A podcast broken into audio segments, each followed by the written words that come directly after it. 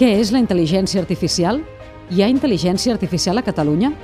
Tenim al nostre país empreses que desenvolupin solucions innovadores basades en aquesta tecnologia? Actualment a Catalunya hi ha més de 180 empreses que treballen en l'àmbit de la intel·ligència artificial, que ofereixen més de 8.400 llocs de treball i facturen uns 1.400 milions d'euros.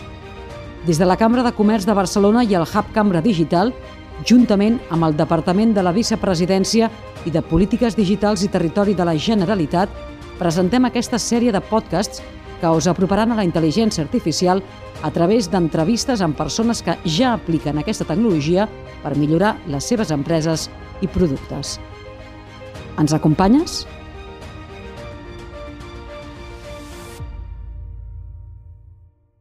En aquest podcast descobrirem com desenvolupar programes que contribueixen a crear una base cultural de coneixement sobre la intel·ligència artificial que permeten una relació amb aquesta tecnologia des de l'esperit crític.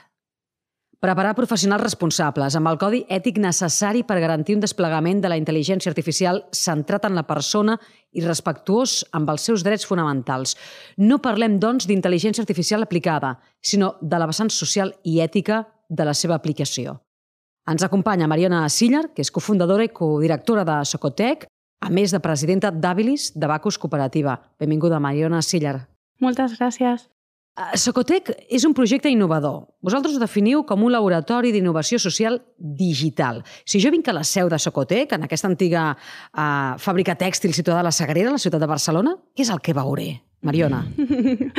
doncs estem emocionades en que ens vinguis a visitar, primer de tot, i el que trobaràs són un laboratori de laboratoris. Um, tractem des dels de, um, més petits, amb Habilis, que és el projecte de Bacus Cooperativa, eh, fins a les aplicacions de la tecnologia um, a la biotecnologia, um, a la moda, també a la realitat virtual augmentada i això que li diuen al metaverso. I després també tenim uh, un laboratori de eh, dispositius amb la Mobile World Capital i Vodafone. Així, en general, el que pretenem és socialitzar i democratitzar i fer arribar a la societat uh, les tecnologies perquè són les eines que ens ajudaran a poder resoldre els reptes del futur.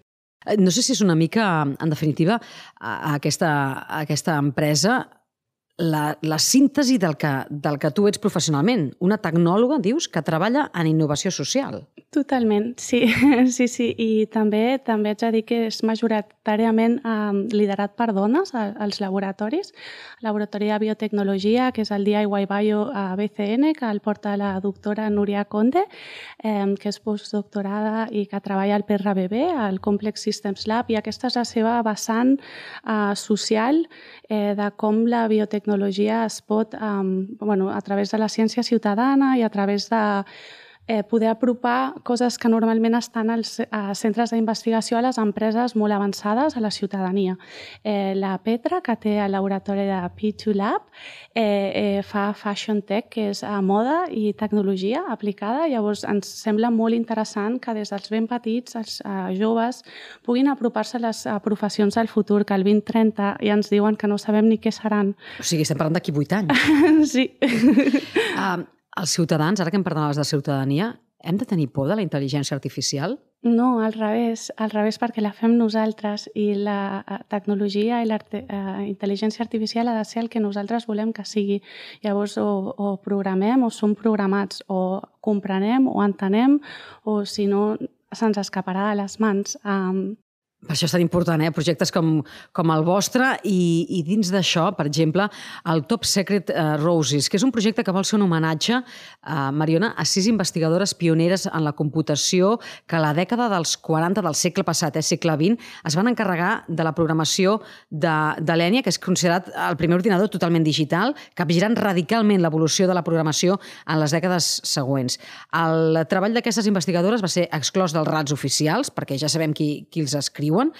Com neix aquest Top eh, Secret Roses i com funciona la plataforma d'aprenentatge? Com es pot participar?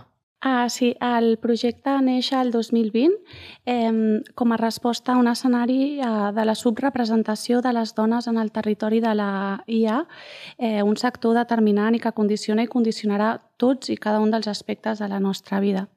Per donar-te només algunes xifres no, que confirmen aquesta inquietud, la Comissió Europea ens informa de que únicament entre el 10 i el 15% de dones treballen en IA a Europa. Uh, Stanford Institute for Human-Centered Artificial Intelligence conclou que les dones representen únicament el 16% de l'ocupació mundial en IA uh, i el baròmetre del sector TIC a Catalunya declara també l'escassa representativitat de la dona en l'àmbit tecnològic. Um, I una altra data recent no, de LinkedIn d'un bueno, uh, estudi que fan que les contractacions del 2020 antic en enginyeria han sigut 85% en homes. Llavors necessitem representació de la dona quan, eh, bueno, en generar eh, eh, IA perquè si no eh, caiem en els biaixos no? de, de, de tecnologies que estan fetes doncs, per una eh, part de la societat i no es representa tota la societat. I reconèixer tota aquesta feina que han fet tantes dones que han quedat eh, eh, ocultes no? en, el, en el relat oficial de, del, que, del que ha estat el desenvolupament del, del, nostre darrer, del nostre darrer segle. Totalment. Vull fer un apunt aquí. És que la primera programadora de la història, el primer algoritme l'escriu una dona, Ada Augusta Lovelace, la filla de Lord Byron, el poeta, una dona que, que, bueno, que ha quedat també amagada a la història, però que, que bueno, a la revista Petit Sapiens faig una petita cunya aquí, hem dedicat eh, la revista a la Ada i, i a, bueno, és la primera informàtica, així que quan ens diguin que les dones no tenim un espai a la AIE o a la informàtica, ben bé és que no han repassat la història. Ara que em parles d'algoritmes, Mariona, com visualitzeu l'evolució dels aspectes ètics, socials d'aquesta intel·ligència artificial a Socotec? Perquè ens hem de preocupar per temes com la privacitat o els biaixos en aquests algoritmes. Com ho podem controlar per estar segurs que la IA és ètica i, i sense biaixos?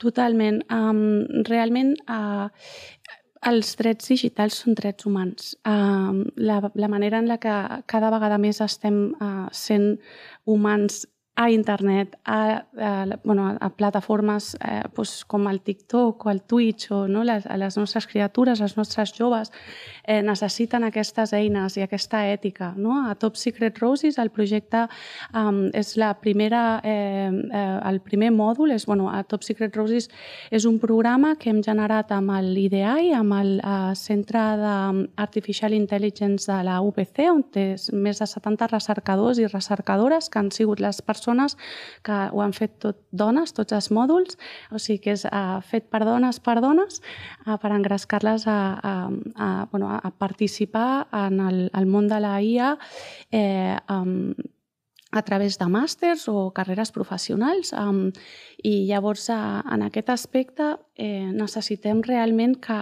que les eines que tenim per, per gestionar eh, la nostra vida doncs siguin les mateixes de quan tu no comparteixes el teu DNI amb la gent, no? I tu no comparteixes, no? Hi ha, hi ha tota una sèrie de temes de privacitat que són molt obvis al món físic, però que al món virtual se'ns escapen. Doncs hem de tenir una mica les, les eines per poder gestionar tot això.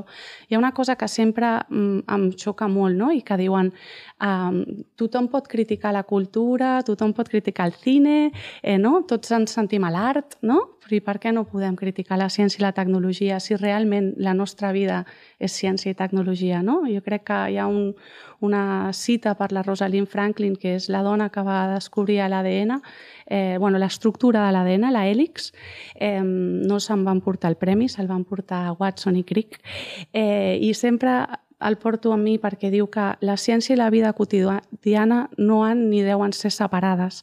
Llavors hem de tenir les eines bàsiques per protegir-nos en quant a drets de privacitat i sobretot l'ètica, perquè som més humans que mai. Llavors la tecnologia hauria de ser una eina per ajudar-nos a ser més humans. Um, Mariana Siller, entenc que Socotec, que és una empresa oberta al barri, eh, els veïns de la Sagrera poden venir a descobrir tot el, que, tot el que esteu fent, el que esteu innovant, el que esteu descobrint. Entenc que qui entra descobreix que la seva vida té més de ciència i tecnologia del que creia. Totalment. Sí, sí, sí. Um, doncs vindrem. Vindrem perquè crec que ho haig de descobrir. Ah, Moltíssimes gràcies a Mariona Siller, a és cofundadora i codirectora de Socotec, a banda de presidenta d'Habilis, de Bacus Cooperativa. Que vagi bé. Moltes gràcies.